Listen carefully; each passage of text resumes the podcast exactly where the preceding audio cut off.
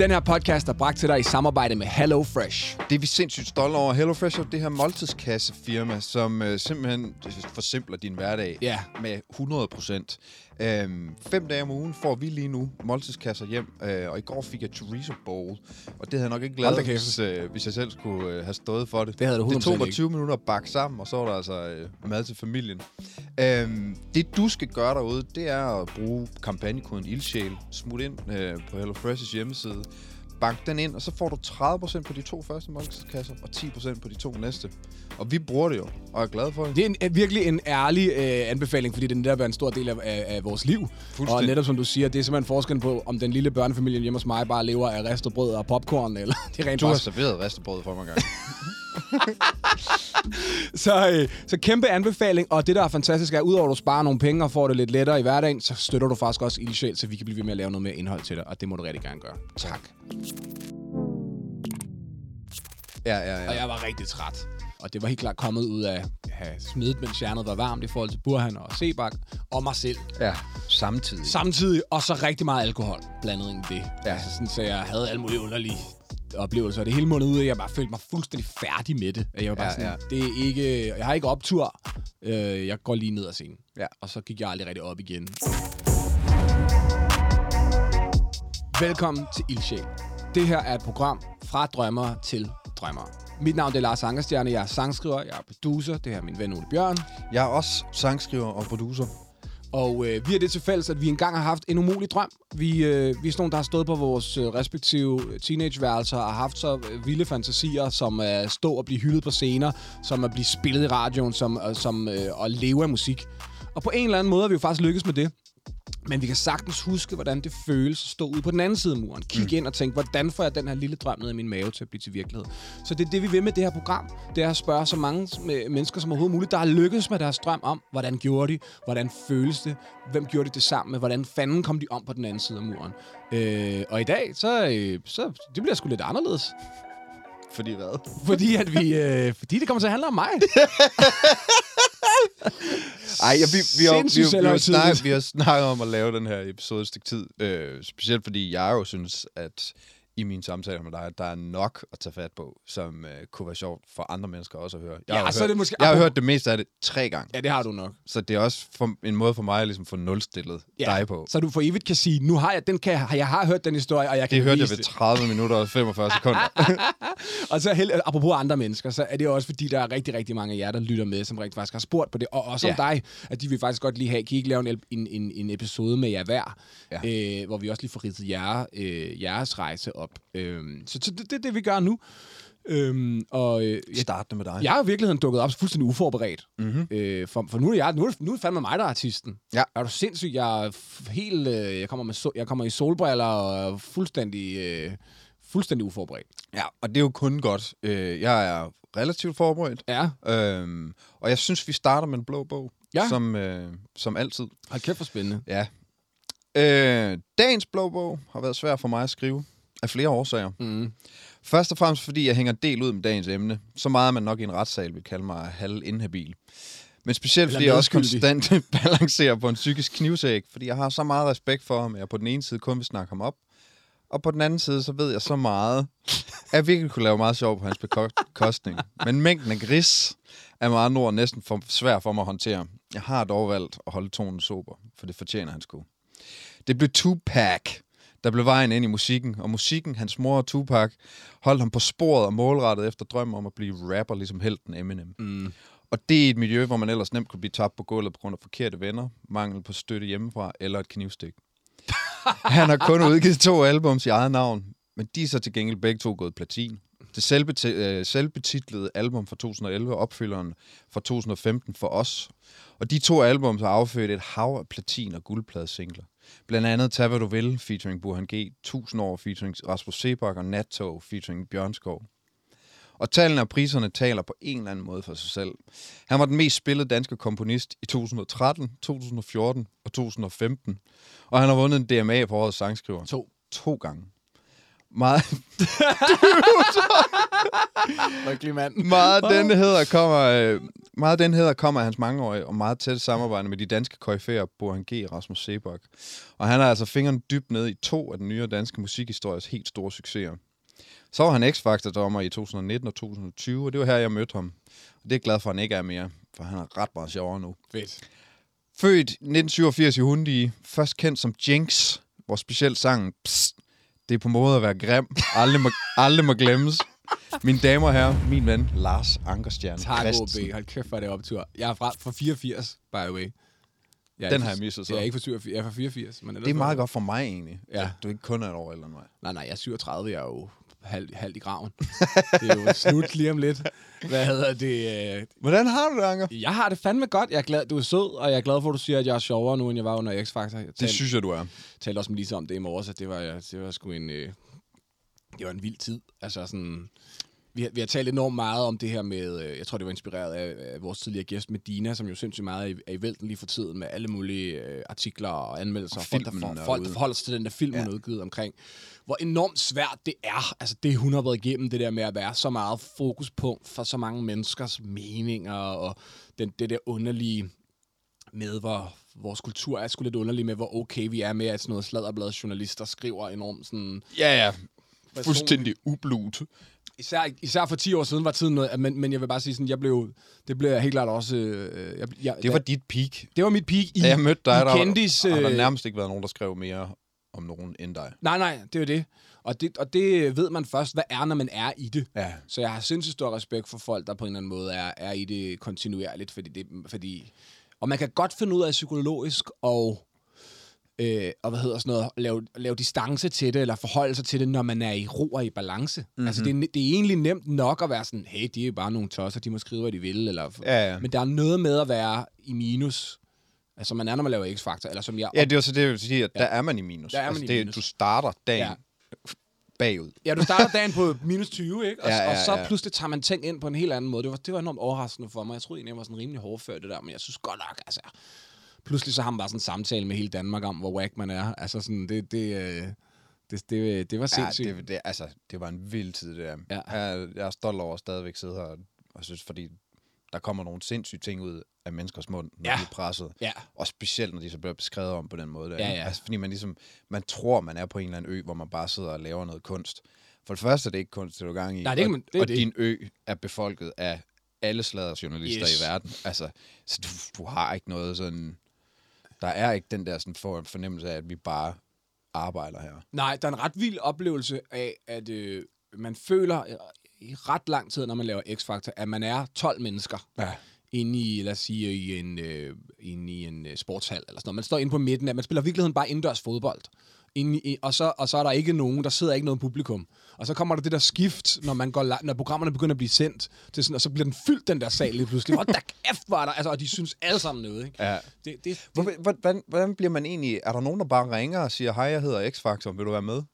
Øh, øh, nej, altså på en eller anden... Ja og nej. Altså fordi det, ja, det, det første, der skete, var, at jeg lavede et program, der hedder En sang fra hjertet. Jeg blev kontaktet nogle år før det faktisk af det produktionsselskab, der hedder Blue, som producerer de programmer der, ja. øh, som jeg blev inviteret ud til sådan en, altså en audition i virkeligheden, fuldstændig lidt ligesom som deltagerne øh, skal, hvor det var, jeg skulle, Hvad sang du? jeg skulle, jeg skulle forholde mig, det var, som jeg husker det, så var det, de, jeg tror, de havde en laptop, som de bare åbner op, og så viser de sådan nogle tidligere auditions, og så vil de, hvad vil du have sagt til det her? Så der sad ligesom to, to, to eller tre kvinder, synes jeg, det, tror jeg, jeg husker det var, som sad på den anden side af et skrivebord, som sådan viser mig klip og, og spørger, forhold dig til det her. Altså, Grineren. ja, det var meget flippet, og så tror jeg bare sådan, ja, Går man så ud derfra, og så står Oland og, sidder og venter og ryster det kom, som mange, Løv det kom flere år senere. Okay. Det, det, var bare, det var virkelig bare sådan en jobsamtale på et kontor. Altså, slet ikke noget, øh, Okay. slet ikke op at køre. Altså mest bare sådan en sludder for en sladder. Hvor er du? Hvad laver du? Hvem er? Hvad du ved? Det var bare, de havde bare på en eller anden måde lagt mærke til mig, tror jeg. Ja. Og så, øh, så skete der ikke noget i ret lang tid. Men da de så begyndte at producere det der program, der hedder En sang for hjertet, så blev jeg, der tror jeg ikke engang, jeg var til samtale. Jeg tror bare, jeg fik tilbudt det, så vidt jeg husker. Øh, fik et opkald og, og sagde, vi laver det her program. Det er, øh, hvis det er et engelsk koncept, vi prøver af i Danmark, og det er sammen med dem og dem. Og, og på det tidspunkt var jeg holdt op, altså jeg havde ligesom sluppet øh, det der med at være artist. Ja. Altså det der med at være, ud, være ankerstjerne. Og Så hvornår er det her, cirka? Jamen, jeg er så dårlig til Okay, årstal. Jeg kan simpelthen ikke huske det. Øh, Dit andet album kom ud i 2015. Ja, så har det måske været sådan noget 17 eller sådan noget. Okay. Tror jeg måske 17-18 stykker eller et eller andet den der stil. Øhm, og, og, og det var jeg jo ligesom på en eller anden måde, det var jeg kommet lidt i mål med, det der med at være ankerstjerne, og især med at turnere og sådan, jeg, jeg havde de der oplevelser, som jeg også fortalte dig mange gange, jeg tror også, jeg har nævnt det her podcasten. Jeg har i hvert fald nævnt det i flere interviews, at jeg havde sådan nogle lidt underlige oplevelser af at stå på scener på festivaler, hvor der var fuldstændig pakket, og hvor sveden drev ned af de der telte, og, vi, og så bare stå inde i hovedet og slet ikke føle noget. Ja. Altså bare sådan, jo, jeg stod og tænkte på budgetter. Altså jeg stod og tænkte over, sådan, hvor det irriterende, at man skal bruge alle mine penge på hotel til det her bane. Altså sådan nogle, altså det modsatte af at være Være fokuseret Ja, på... og så blev jeg sådan, fik jeg sådan lidt dårlig samvittighed over det. Altså, det var egentlig det, det var. Det var sådan, at jeg i måske et år var kommet til at være sådan lidt, ej, jeg skriver ikke autografer i dag. Det havde jeg bare sagt hver dag. Ja, følte du, følte du lidt sådan betrayal over for og drengedrømmen? Ja, over for drengedrøm, over for publikum, Ja. øh, og, og, øh, og også over for andre, der drømmer om at stå der. Ja. Jeg kan huske, jeg tænkte meget over sådan, det, det er jo ikke, du skal jo ikke stå her, hvis du synes, det er så irriterende. Det er jo, folk vil jo rigtig gerne, alle, der, alle andre, der er der, synes, det, er, det skal være et, et højdepunkt. Ja, ja, ja. Og jeg var rigtig træt. Øh, øh, og det var helt klart kommet ud af have, have smidt, mens hjernet var varmt i forhold til Burhan og, Ang, eller, øh, Burhan og Sebak og mig selv. ja. Samtidig. Samtidig, og så rigtig meget alkohol blandet ind i det. Ja. Altså sådan, så jeg havde alle mulige underlige oplevelser. Og det hele måned ud at jeg bare følte mig fuldstændig færdig med det. Jeg var bare Ja, sådan, ja. ja. det er ikke, jeg har ikke optur. Øh, jeg går lige ned ad scenen. Ja. Og så gik jeg aldrig rigtig op igen. Øh, så, så det kom ligesom, da det der opkald kom fra, fra tv, så pa- passede det med, at jeg var øh, følte mig lidt færdig med at være ankerstjerne. Så jeg, mm. hvad skulle jeg egentlig, du ved? Så skulle det være, jeg skulle det. Øh, så det var, det var helt vildt spændende at lave, og sådan, jeg skulle interviewe øh, de der gæster, der var med, og man skulle alt muligt sjovt. Øhm, og så fødte det så, tror jeg, at de, de må i hvert fald have tænkt, dem der lavede det program, at det var jeg god til. Ja. Eller i hvert fald mm, til at holde ud at se på. I, I en eller anden udstrækning. Han kan sminkes. Ja, han kan, han kan sminkes, og, øh, og øh, nogen kan give ham en pæn trøje på. Så, Ja. Øhm, så, så de ringede og sagde, det var, det var TV, eller X-Factor var lige flyttet fra DR til TV2, Mm-hmm. så det skulle have en eller anden form for genfødsel, og, øh, og jeg tror ikke, det... Så der var ligesom en, en stol åben, øh, om jeg ville til jobsamtale der. Og det var lidt mere op at køre. Altså, det var ikke sådan et bare højlysdag, øh, en laptop og, og, nogle, og et skrivebord i et eller andet lokale. Det var sgu sådan lidt... Der, det var ligesom, jeg beskrevet det som at føle, jeg føler, jeg blev sådan headhunted til sådan CIA, eller sådan. Det, var, Okay. det var virkelig... Altså, de vidste alt om mig, da jeg kom til den, de der snakke. Altså, der havde de siddet og fundet sådan nogle obskure YouTube-klip, hvor jeg sidder og snakker med fans efter en koncert. Jeg har aldrig selv, jeg kan ikke huske den der dag, men vi kan lide dig her, eller her er du, øh, her er du, øh, her er du. Creepy. Det var rigtig vildt, faktisk. At det var, det er ikke tilfældigt. Fedt, men creepy. Ja, men det man føler, som jeg jo i virkeligheden rigtig godt kan lide, og og er totalt øh, tiltrukket af, det at man føler, det er fandme ikke tilfældigt. Ja, ja. Der er med med nogen, der har diskuteret om Ja, ja, ja, ja, ja. ja. og forholdt sig til dig her, ikke? Jo. Øhm, og det, det starter så op ligesom på et, øh, på et kontor øh, i, din, i sådan en etagebygning, hvor man er højt op i, i, på etagerne, en af de øverste etager, og der, efter den samtale, så, så, sagde, Blev du kørt en etage op? altså, okay, så sagde de så, nej, nu starter jobsamtalen, sagde de så. Nu går vi en etage ned, så siger de, du, du går ned ad den her trappe, og der, ned for den trappe er der en dør, og i det, er der, når du tager i det dørhåndtag, så starter din, din, din audition. Okay. Så de sagde ikke, hvad der var. inde på Sådan en halv hitchhiker, Hitchhikers uh, Guide to the Galaxy. Ja, sådan lidt. Et, ligesom om du sådan, nu træder du ind i en anden dimension, ja. og når du kommer ind i den dimension, så, så, så, så tæller det bare. Eller så vil du så er vi i gang, indtil vi siger stop. Ja. Øh, og sådan, der skulle jeg godt nok lige bruge alt, hvad jeg har lært af sådan nogle teknikker til at styre naver. Altså når du har lavet, spillet store koncerter. Og, movement. ja, ja, så er jeg bare sådan, okay, fuck it, lad os se, hvad der sker, du ved. Så åbner jeg den der dør, og så træder jeg ind i det lokale, som bare er X-Factor øh, audition-scenen. De har bygget det. Altså, du træder simpelthen ind i et rum, der ligesom bare spejler øh, de der... Det, det, sådan, sådan som det ser ud i Ja, ja, ja, ja. audition-programmerne. Der er et skrivebord, og Thomas Blackman sidder der, og der er kamera. Der, otte kameraer, eller det, det, jeg, det ved jeg ikke, i hvert fald fire. Der var og, mange mennesker, sådan en produktion, der sådan, sammen sidder og kigger med noter, eller med sådan notesblokke. Du er ikke preppet på det overhovedet? Ikke at det, der ville ske. Jeg troede bare, jeg skulle snakke med dem, og måske møde nogle af dem, eller sådan noget. Men, men det, jeg skal kaste mig ligesom bare ind i, at sådan, okay, det, det, This is it. this is it. ja, ja. Så sætter jeg ved siden af Thomas. Så Er han der Ja, til din jobsamtale? Ja, ja. og han siger, han siger, tager du sol som det første til mig? Klart. Jeg må have set solbrændt ud eller et eller andet. Og så siger jeg, bliver du sminket af en bedemand? Eller sådan, jeg spørger om et eller andet, det modsatte eller andet. Og så Ja, kigger ja, jeg ja. bare på, så kan jeg se, at han kigger sådan på mig og sådan, fedt, siger han. Og så starter det bare, og så er det sådan, det, det, det er noget med at forholde sig til ham, at forholde sig til sådan nogle kaniner, altså, eller æsler kalder man det vel, altså sådan nogle fa- fake auditions. Yes, der kommer yes. folk ind og spiller ukulele og synger, og så Så feedback, de har committet til, at programmet er ham, og vi skal ligesom have et, et, cast noget omkring rundt om, ham, som, 100 procent, noget omkring Thomas. kan noget andet, og supporter og er modspil. som og, han gider også meget, tror jeg i virkeligheden. Ikke? Så, så det, som jeg husker det, så var det måske 45 minutter eller sådan noget, hvor vi bare sidder og giver feedback til folk, og jeg siger ja og nej, og st- stikker lidt til hinanden. Og, sådan. Og så siger de, tak, gå eller gå væk. tak og gå væk, siger Ja, ja, ja. Og så, øh, så går jeg sådan ud, og der er sådan en brandtrappe, som jeg går ned af. Og Thomas går sådan lidt efter, man kan huske at spørge om nogle ting, og vi sluder lidt. Og, og han så, jeg, jeg husker, at jeg tænkte sådan, han, han virkede, altså, han, han kunne godt lide mig. Og, og jeg kan huske, at jeg tænkte sådan, okay, hvis- jeg kan i hvert fald mærke ham der, han, det kunne han godt i hvert fald. For han siger også, vi ses igen, og han havde det sådan. Havde du lyst til det her? Altså, det, nu- Ja, det okay, havde jeg, 100 Okay. procent. Altså, jeg var meget opsat på, at da muligheden først dukkede op, så var jeg enormt op, optaget af at få jobbet. Ja. Og det er jo tit sådan, jeg lidt er med de der ting, altså, hvor jeg, jeg får aldrig rigtig visualiseret, hvad fanden det vil sige at få jobbet. Jeg, jeg bliver bare meget optaget af at få det. Det er, og det er virkelig godt rigtig meget igen i, livet, i mit liv, at jeg, jeg bliver sådan, jeg vil rigtig gerne sælge den, og jeg vil rigtig gerne, du ved, sådan, have det til at ske. Det, det, der er et eller andet i det der, der er sådan, og så, så, så må, jeg, må jeg finde ud af, hvad det er bagefter, eller hvad det vil sige. Jeg kan ikke huske, hvad de hedder i Silicon Valley, de der typer, men der er også nogen, der ikke, altså, som, bare ligesom er elevator pitches. Ja, ja. Altså, altså, som ikke skal ud og, og fuldføre projektet. Projektet. Men som kan komme ind til en eller anden nørds garage, og så var sådan, jeg, Ja. jeg kan sælge det her lort, jeg ved ikke, hvad det er, men jeg, Jeg har, sælge et, jeg har en dråbe af det der i mig. Jeg Ja. vil så i virkeligheden, jeg er samtidig også, er jeg jo også kunstner, og jeg vil jo i virkeligheden enormt gerne Oh, I know. synes alt om alting. Men med, med, med, med, sådan nogle ting der, kan jeg godt blive sådan lidt... Altså jeg kan også huske, at jeg tænkte, okay, det er på en eller anden måde også lidt et svendestykke, eller en måde på en eller anden måde at...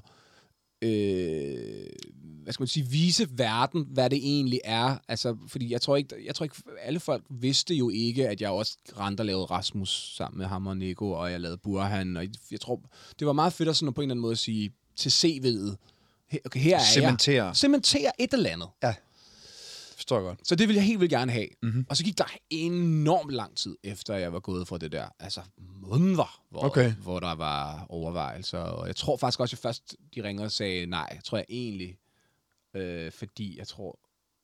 Ja, jeg husker faktisk lidt, at der var en eller anden periode, hvor de sagde, vi har fundet nogle, an- nogle andre, eller et eller andet. Ja, ja. Jeg var sådan, "Nå, okay, det ved. Og så pludselig kom det i spil igen, og, og man, man fornemmer ligesom, at den der organisation, altså TV2 og Blue og hele det der, at, det, at der var så mange led, det skulle godkendes på. Ja, ja. Det var min opfattelse, at der så, de, nogen var glade på det her niveau, og nogen var glade på det her niveau, men på det helt øverste niveau, der var nogen, der var ude at rejse. Eller sådan, det var hele tiden Ja, sådan noget. ja, ja, ja. Øhm, og det, det, det kan jeg huske, allerede det synes jeg var fuldstændig frygteligt, for nu har jeg været vant til at være min egen lykkes med i mange er år. pludselig afhængig af en eller anden mellemleder et sted i London. Bare det, nogen skal sige ja eller nej til dig, er jo fuldstændig frygteligt. Det, forfærdeligt. det kan jeg slet ikke, det hader Og det er programmets præmis, som er det, du skal ind og gøre. præcis, og det var jeg igennem, i, det, det var jeg igennem øh, rigtig meget også inden, ja. så man, jeg synes også, det på en eller anden måde er fair nok, når man sidder der og afgiver sin dom over deltagere, fordi, fordi du er, det, vi har også været det igennem. Det, vi er jo igennem det hver dag som, som skabere, fordi hver dag spørger vi jo publikum, hvad med den her? Ja, ja.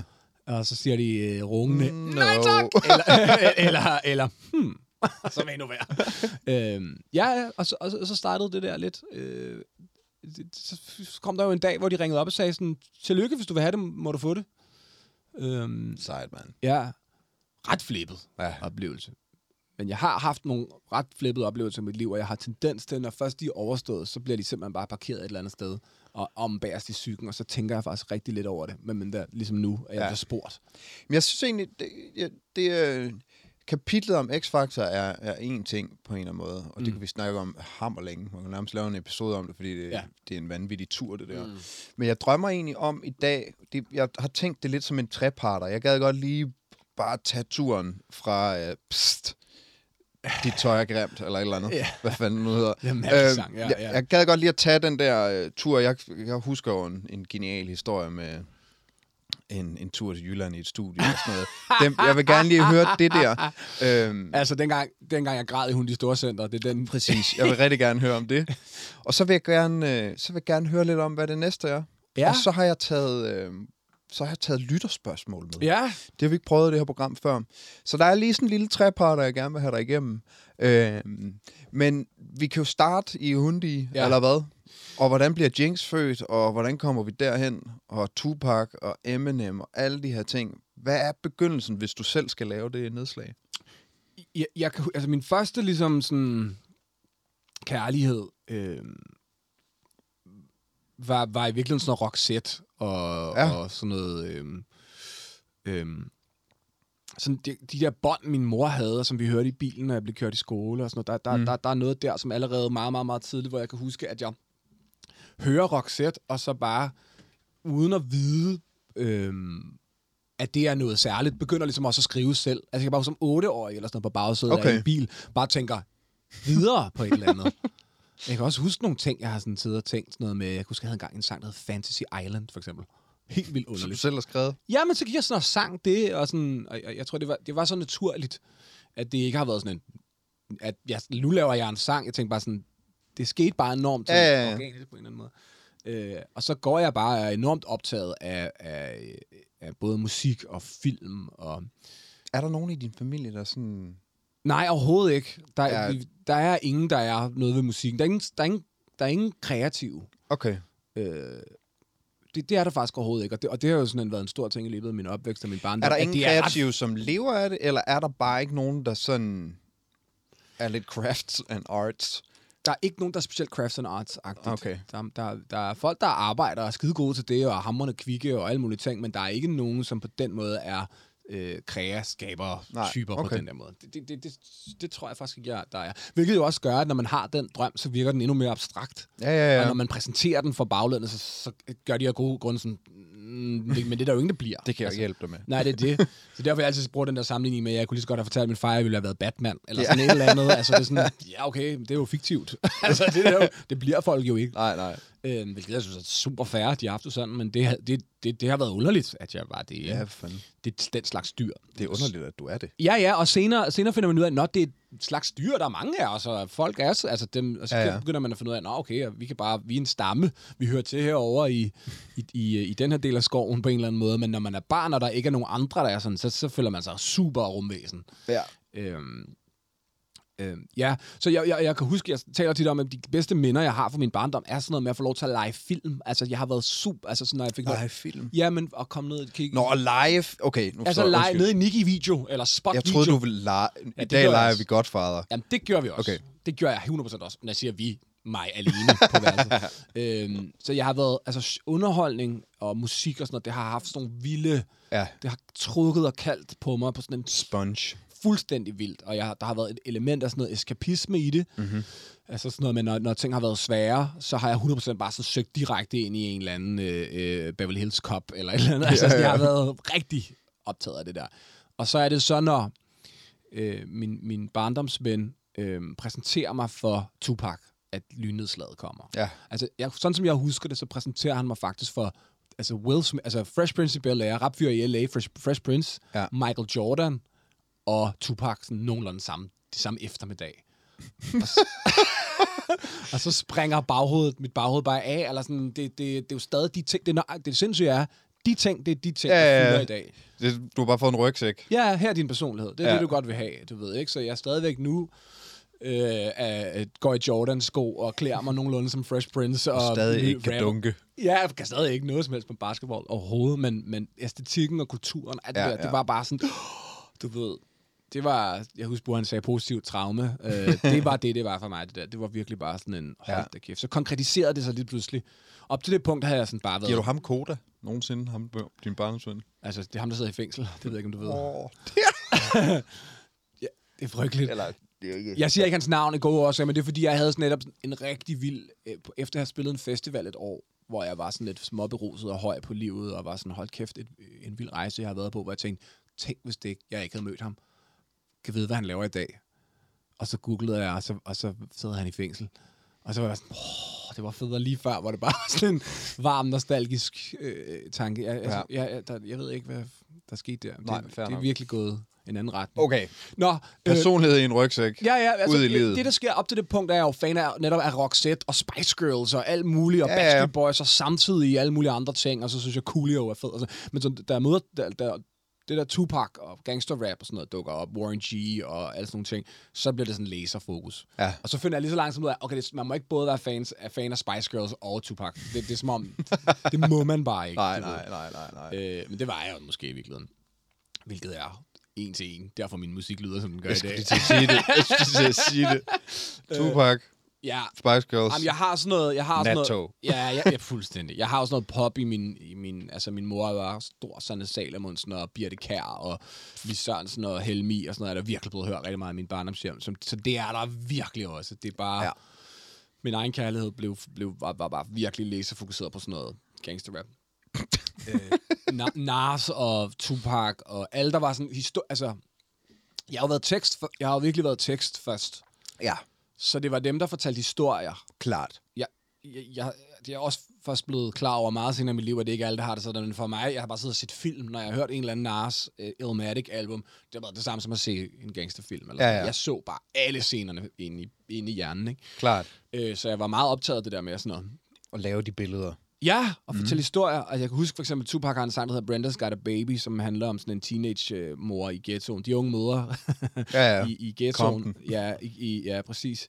Som, som det er, for det er der for mig, hvor jeg tænker, okay, det er det er det der, jeg skal. Ja. Altså, det er det, jeg skal fortælle historier på samme måde Det er de følelser, jeg skal ramme. Ja, ja, og jeg skal male billeder, som ja. han gør, og jeg skal fortælle sådan en fra A til B-type historie.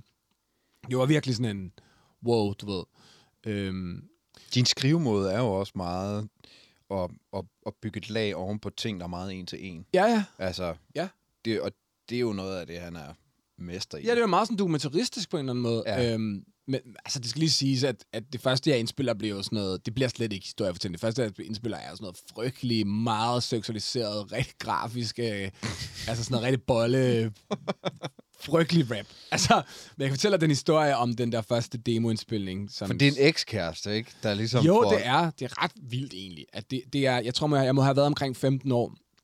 og så får jeg... Øh, min derværende kæreste forærer mig ligesom en, en, en dag i et, i et rigtigt lydstudie.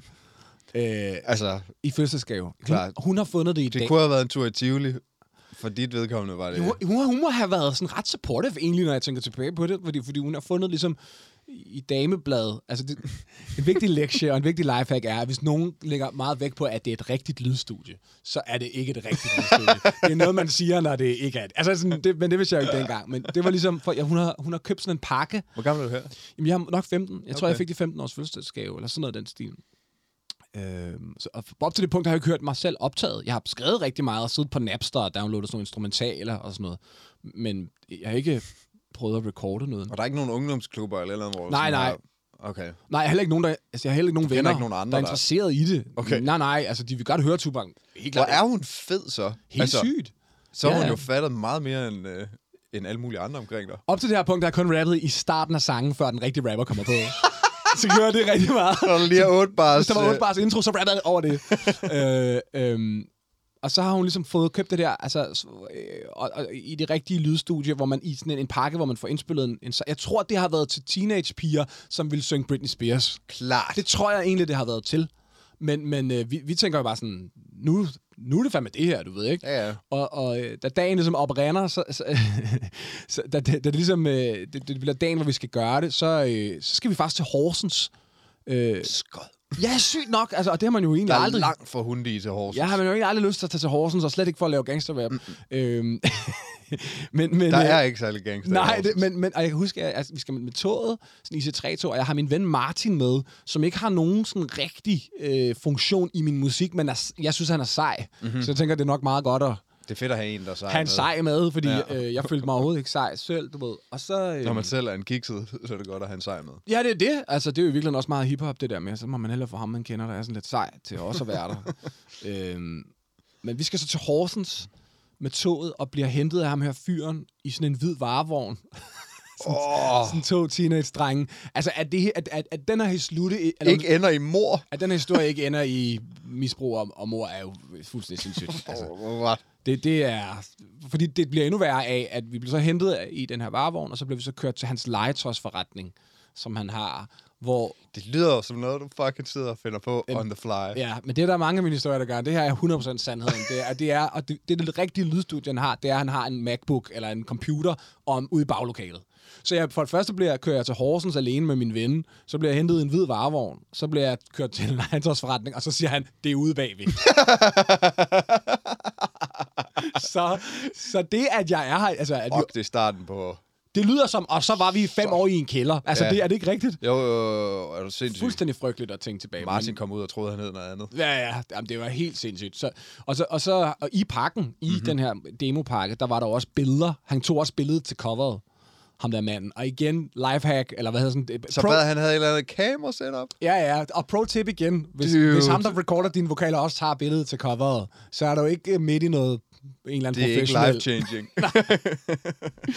Så, og så rapper jeg øh, øh, noget frygteligt, altså sådan noget... Men noget, du selv har skrevet. Jeg har selv skrevet noget, og det, Hvem har lavet beatet? Jeg har downloadet et eller andet Nars instrumental på okay. Efter. Så rapper jeg. Jeg kan huske, arrangementet var, har jeg talt senere, 46 takters vers 1. og så et omgået, og så 12 takters vers 2. Ikke? Og virkelig grafisk. Og for de uindvidede, Ja, det er rigtig langt. der er det rigtig langt det første. Det er en hel sang bare nærmest. Ikke? Eller, og, og jeg rapper super... Altså, det, jeg rapper sådan, hvor suspekt vil være sådan, okay, det er sådan lidt grafisk. Altså, de vil synes, det Too var... sådan- much. Ja, too much. Virkelig om sådan noget... Ja. Ja. Og jeg er 15 og har måske knaldet ej, to mennesker eller sådan noget, men jeg rapper bare sådan virkelig. Det er virkelig sådan noget knalde-rap, ikke? Jo, jo, jo. Øh, og, og øh, men det troede jeg bare var cool. Det var- det, var det, der ja. fyldte. Hvad hjertet er fuld af. Så, øh, og jeg kan huske på billedet, vi tager til det der cover, der kan jeg huske, at jeg, sådan, at jeg står, for det første har jeg sådan noget Iceman, eller sådan fake, meget sådan kropsnært Iceman-tøj på. Ikke engang Iceman, men det fake Iceman. Jeg kan huske, hvad det hed, et eller andet X-Wing, eller eller andet klamt, som jeg har på. Så står jeg med en blok og en pen. fordi jeg godt ligesom vil være, jeg vil godt vise, at jeg er writer. Og selv har skrevet det her. Ja, ja, så det er på coveret. Og så har Martin, han står ligesom bag ved mig med en mobiltelefon. Han taler i højst sandsynligt med en drug dealer, eller sådan et eller andet sejt, vi har forestillet os. Det ved sådan. ja, det er så plat. Øhm, men det frygtelige sker så, at jeg lige så snart jeg kommer hjem dagen efter for den her, hele den her Horsens oplevelse, så begynder jeg bare fra morgenstunden bare at lyve om oplevelsen. Altså både for mig selv, men især også for mine klassekammerater. Ja. Jeg, jeg, der sådan Snoop Dogg var der, hvad Ja, ja, ja, hedder det, der fair. var damer og champagne og hele den der rap-ting, begynder jeg bare sådan at fortælle dem, men også lidt mig selv, at det Ja. var det, jeg har oplevet. Øh, hvilket jo bare godt den der ventetid til den der skide CD skal komme med posten. Fordi det, det der så er, det er, jeg ved ikke, jeg husker det som et halvt år, det har nok været et par uger eller sådan noget. Der går fra, fra vi har indspillet den der demo, til man så får en pakke med 10 CD'er og en plakat. Det er sådan med i den der pakke. Kæft, det bliver... Hvem er ham her? Ja, men fuld, Og fuldstændig nu legendarisk. tjekker, man stadig har det studie der. Nej, men jeg kan fortælle dig, at da jeg senere, da jeg, da jeg dropper ud af gymnasiet og fortæller min familie, og især min far, at nu kan jeg tænke mig at forsøge den her musik, øh, eller for, hvad hedder sådan noget, at jage den her musikdrøm, mm-hmm. så siger han, jeg synes lige, du skal snakke med nogle fagpersoner. Og så tvinger min far mig til at ringe til ham der. Til ham? ja. og så spørger, om han mener, jeg har en chance. Hvad svarer han til det? Ja. Nå, okay. Men, men det, det, Fuck en type for til at ligesom sådan justify. Ja, og der, der går der ligesom noget, de her uger, og, ja, og jeg går, jeg går og, og, og, og, og, og koger, og det, fordi det er, jo, det er jo for mig, at det her, det er jo ligesom på en eller anden måde, det skal være starten. Det, mm-hmm. det, er, min, det er min nøgle til himmerige. Det er ligesom øh, Ja, ja, ja, drømmen, der skal komme der med posten. Ikke? Og så kan jeg bare, jeg, jeg husker den her dag enormt tydeligt, at det, det der stykke pap, kan jeg huske, man fik sådan et afre- afredet stykke, pa, stykke pap, der siger, nu kan du hente din kasse nede på postkontoret Nej. i postkassen. Kan du ikke se det? Nå, okay, men vi fik ligesom sådan en... Altså, vi fik jo bare post ud på gården. Det er klart, okay, klart nok. Men der, hvor vi boede, så fik man ligesom sådan et stykke pap, der står, nu i dag kan du hente. Jeg gik ud til en, en gul postbil og sagde, tak Carsten. Ja, det kendte hinanden rigtig Ja. godt. Han boede også. Han boede også hos os. Hvad hedder det? øh, Og så, og så, øh, så jeg husker, at jeg har, får det der stykke pap, og sådan alene bare sådan sp- sprinter fra Grønnegården op i hun, de store center, og, øh, og ind i posthuset, og, og henter den der kasse, og går ikke engang ud af centret, sætter mig bare med ryggen op imod posthuset, ligesom, og mm. bare sådan på, og, og, og flår den op, og de der sådan nogle flamingo-agtige nogen, jeg kan huske fornemmelsen af det, og så kigger jeg bare på redslen. Så kigger jeg bare på det, der, for det første har han lavet sådan et, sådan lidt et, øh, hvad hedder sådan noget, klip art, word art, øh, sådan noget, og så var det sådan Andy Warhol-effekt. Altså Hvor- med det her billede af din frygt- drug dealer og øh, dig med pen. Mig i Iceman med den der pen, og min ven Martin om bagved, som starter i sådan noget pink, og så ender det i sådan noget meget skarp lyseblå. Altså, det ligner overhovedet ikke Snoop Dogg. Det ligner... Det, og, og, det, og jeg, har, jeg har glædet mig så meget, at min krop bare reagerer, og jeg kan huske, at jeg græd. jeg begynder ligesom at græde over, hvor frygteligt det ser fuldstændig sindssygt ud. Ja. Og slet ikke hiphop på nogen som helst Nej. måde.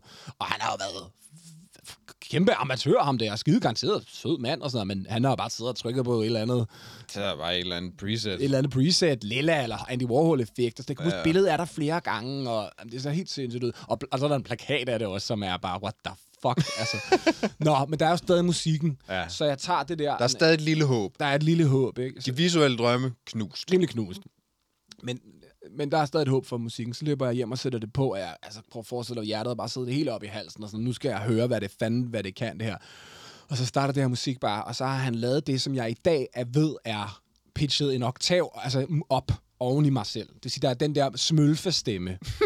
smølfe, altså den der var oven i min egen stemme, som nok har været relativt smølfet i forvejen. Ja, klart. På begge sange har han simpelthen siddet og tænkt sådan, at det kunne være, det ville være lidt fresh, I guess, at jeg oveni, prøv at forestille dig rapmusik, men med sådan en oktav, altså sådan Det lyder forfærdeligt. fuldstændig sindssygt. Har Så- du de her ting stadigvæk? Ja, heldigvis, og de ligger, altså, de ligger på et loft og ikke på YouTube. Øj, øj, øj. det Der, det er noget, jeg har hva'? virkelig sagt tak til, til universet mange gange, at jeg ikke blev født i den generation, hvor man kunne putte sine Yes. ting. Fordi det der internettet havde aldrig... Aldrig glemt det. Det der. havde aldrig glemt det der.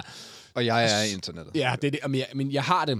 Og, og, men jeg, det ender som, altså, det der chok af, hvor dårligt det hele er, Ja. og at det, det var jo mit skud nu, du ved. Jeg føler ligesom, drømmen er ligesom knust. Jeg ligger simpelthen et døgn eller sådan noget i fosterstilling i min seng, i min teenageværelse, og bare sådan, fuck, du ved, hvad fanden gør jeg, ikke?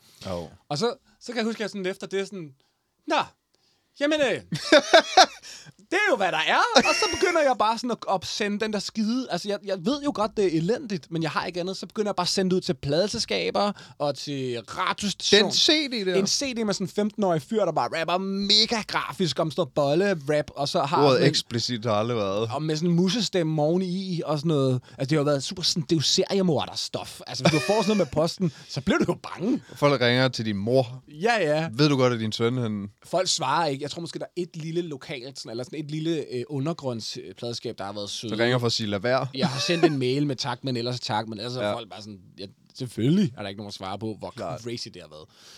Øhm, som så føder en lang periode, hvor jeg går rundt og så, br- får selv brændt nogle flere kopier af den der frygtelige CD. Jeg, så jeg husker på, at jeg afleverede det nede på biblioteket. Og så, jeg var ikke ved, hvor, hvor skal jeg... lang historie kort. Det ender med, at jeg en dag afleverer den der CD. Kæft, hvor er det fedt, at du har tænkt, at nogen der nok kommer ned og låner. Jamen, jeg ved ikke, hvem der skulle låne den Nej. der, men, men, det, men det har jeg prøvet på, ikke? Øhm, og, og, og for, ikke at, for, for ikke at fylde hele podcasten med den historie. Men det ender med, at jeg afleverer den her CD i en streetwear-forretning i Roskilde, hvor der er en fyr, der kender en anden fyr, som han så, det er hans ord, siger, han er også dårlig. han, siger, han siger, du er ikke god, men mine venner er også lidt dårlige, så vi I kunne måske et eller andet. Som så føder den tid, hvor jeg sådan er i dansk, under, hvor jeg så ender i sådan en undergrunds-rap rap scene. Jamen, så tag mig igennem det, fordi hvordan bliver Jinx født? Altså, Jinx er det første sted, hvor Danmark ligesom sådan får Ja, og, og lang tid før det, ja, ja, og lang tid før det, så var Jinx, det var sådan noget undergrunds, sådan noget lidt battle, lyrical, miracle, øh, sur, sur rapmusik i under... Du har nogle gange beskrevet det som, at der var ikke så mange kvinder, som dem I rappede om. Nej, nej, nej, der var slet ikke, vi rappede heller ikke om kvinder. Altså det, og det, det, det, det fandt jeg først ud af, da jeg så rent faktisk fik venner, der også lavede musik, så var det tilfældigvis noget hiphop. Hvordan får du dem? Jamen det er for, via den der gruppe. Jeg ender i en gruppe. Okay, så ham, din dårlige ven, Daniel. Ja, ja, som jeg vel i virkeligheden har været rimelig habil til det og sådan noget, ikke? Men, altså, men, men, og er sådan en, folk kender i det der miljø. Vi ender med at, vi ender med at være en gruppe. Øh, og så møder jeg sådan hiphop, altså, og, Okay. og hiphop er ma- på det her tidspunkt sådan super poetaner. Altså sådan, hvis det er dansabelt, er det sellout. Ja. Hvis folk kan huske omkvædet, er det sellout. Hvis kvinder kan lide det, er det sellout.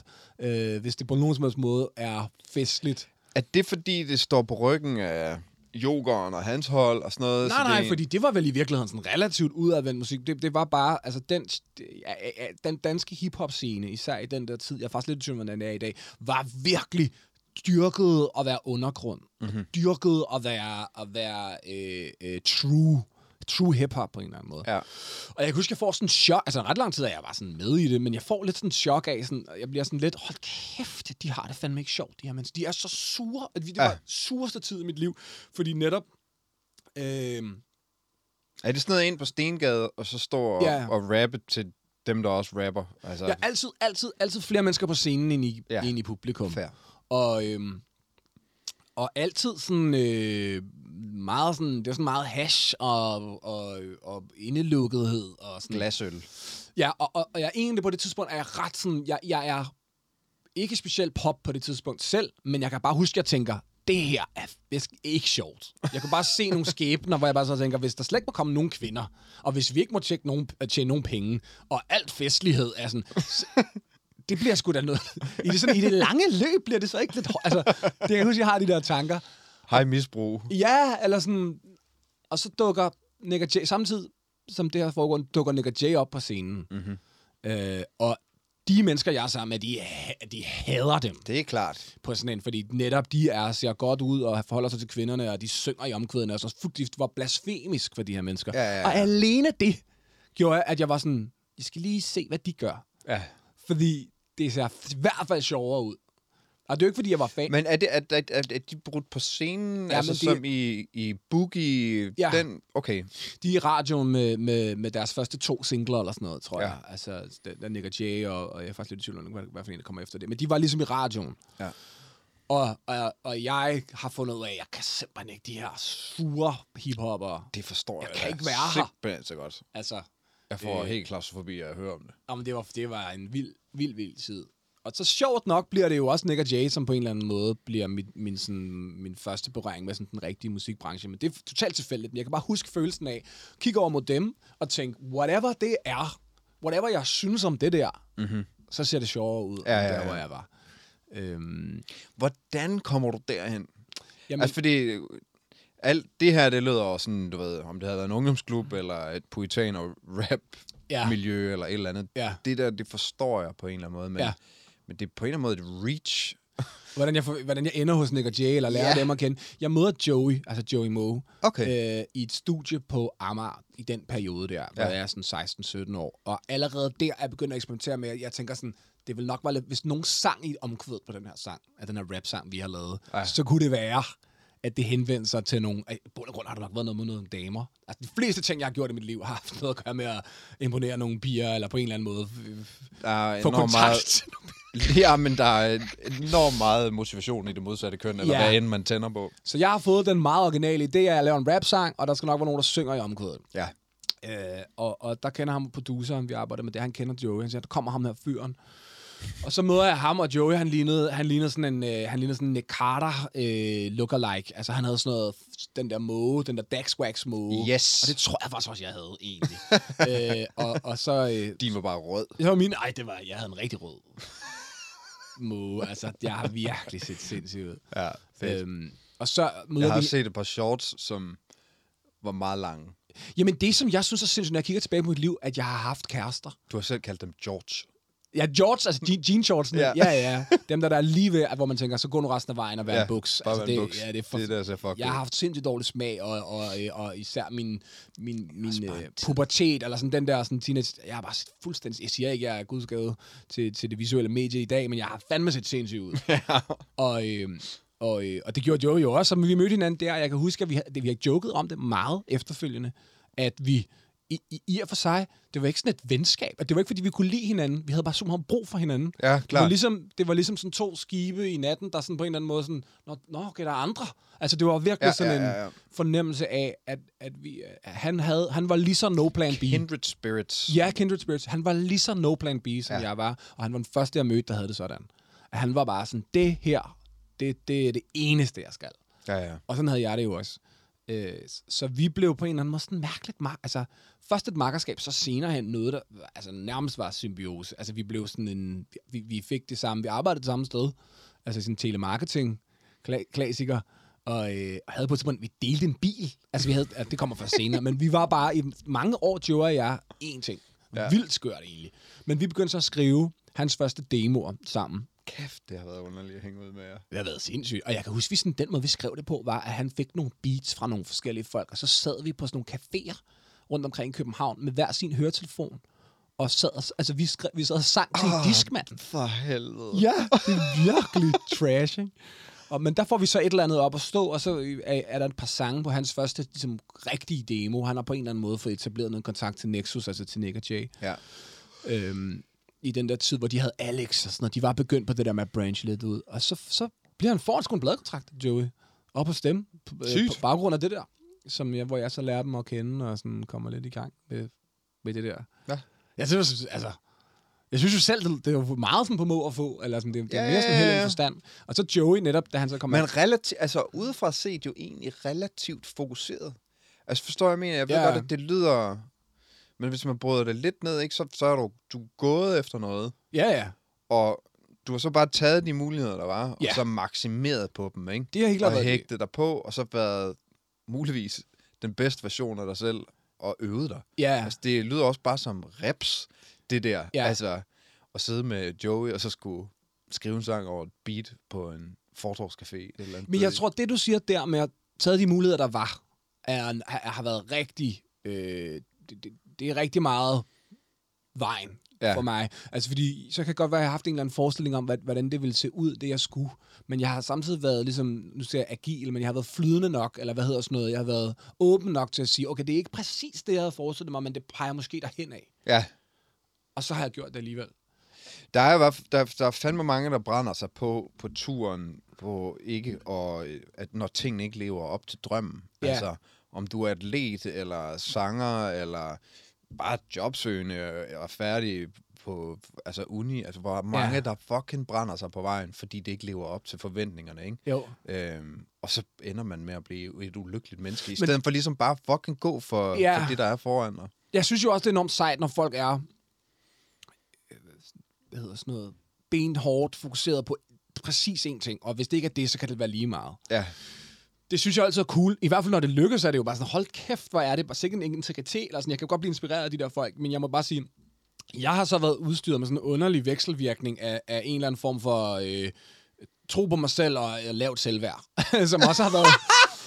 som, som jo hele tiden ligger sådan og modarbejder Kæft, hinanden. der er meget energi at hente i lavt selvværd. ja, men det er jo netop, så jeg har netop været sådan, "Nå, okay, fuck, den her mulighed kommer nok aldrig igen. Ja. Nu går jeg igennem den her dør. Hvis der Ja, er en ja, dør, ja. så går jeg igennem den her dør. Mm.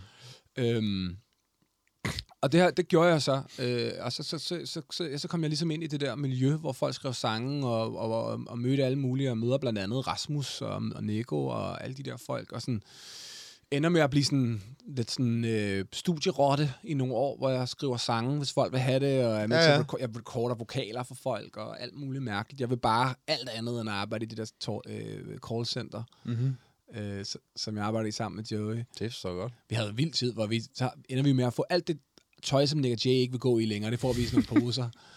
og, så, og så kører vi så kører vi for forskud for Joe's, Joe's første album. Det køber han en bil for, som min mor er, er ligesom ejer af. På, på, altså hun er hende, der står på, på ejerskabet af den. Altså den er også lidt min. Så har vi lidt sådan en gammel bil. Så har en bil sammen med Joey. Vi arbejder i Telia sammen, og vi har ens tøj på. Ja. Og så arbejder vi ligesom i callcenteret fra, fra, fra klokken 8 til klokken 16, og så fra klokken 16 tager vi i Nexus B-studie og laver vores egen ting. Og til langt ud på natten falder i søvn i det studie, vågner op der og tager på job igen. Ja, ja. Altså, sådan var det i sygt lang tid. Øhm, vi øh, har jo nogle gange joket med, at du er musikbranchens øh, Forrest Gump. Ja. Altså, du dukker op alle mulige steder, hvor, Jeg der, er sådan i baggrunden. hvor der er folk, der har rigtig meget succes, og så Ja. står du lige... Så er sådan underligt billede, hvor jeg kigger sådan... Og lidt hjulpet med det, eller... Jeg var der lidt, i hvert fald. Lidt i nærheden. Ja, ja. Øhm, men jeg, jeg fik det sgu også ret crazy, øh, da jeg sad og preppede din blå bog. Jeg har glemt, hvor mange vanvittige features du har på dit debutalbum. Ja.